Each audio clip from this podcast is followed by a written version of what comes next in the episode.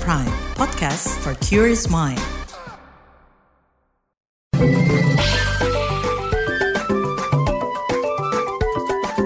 What's up Indonesia?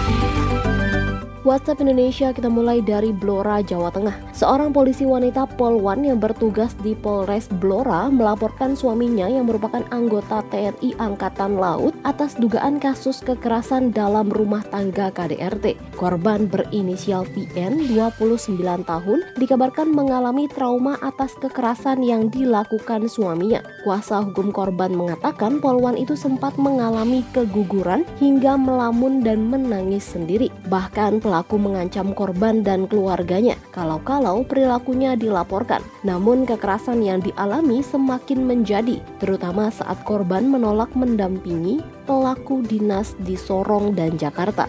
Tak tahan dengan berbagai kekerasan, akhirnya korban memberanikan diri melaporkan pelaku ke polisi militer TNI Angkatan Laut Semarang. Selanjutnya ke Surabaya. Seorang perempuan asal Surabaya, IS 59 tahun, menggugat suaminya secara perdata setelah berupaya melaporkan pidana tanpa hasil. IS mengaku ditipu karena menikahi perempuan yang mengaku sebagai pria dan memalsukan identitasnya. Usai pelaku mengungkap dirinya perempuan, IS mengaku kerap mengalami kekerasan dan kekerasan seksual. IS pun melaporkan kasus penipuan, pemalsuan identitas dan penganiayaan pada 2000 2022. Melansir CNN, laporan IS ke Polda Jawa Timur sempat mandek. Kini ia menempuh jalur gugatan secara perdata ke PN Surabaya.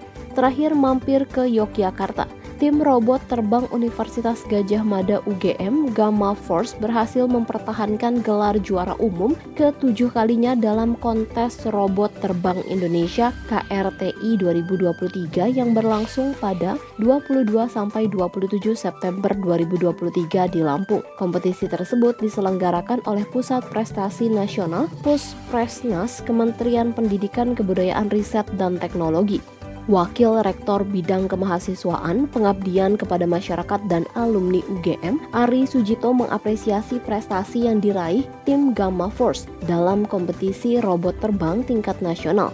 Ari berharap keberhasilan tim Gamma Force ini bisa menjadi inspirasi bagi mahasiswa UGM lainnya untuk terus kreatif dan cerdas baik secara akademik maupun sosial. Demikian WhatsApp Indonesia hari ini.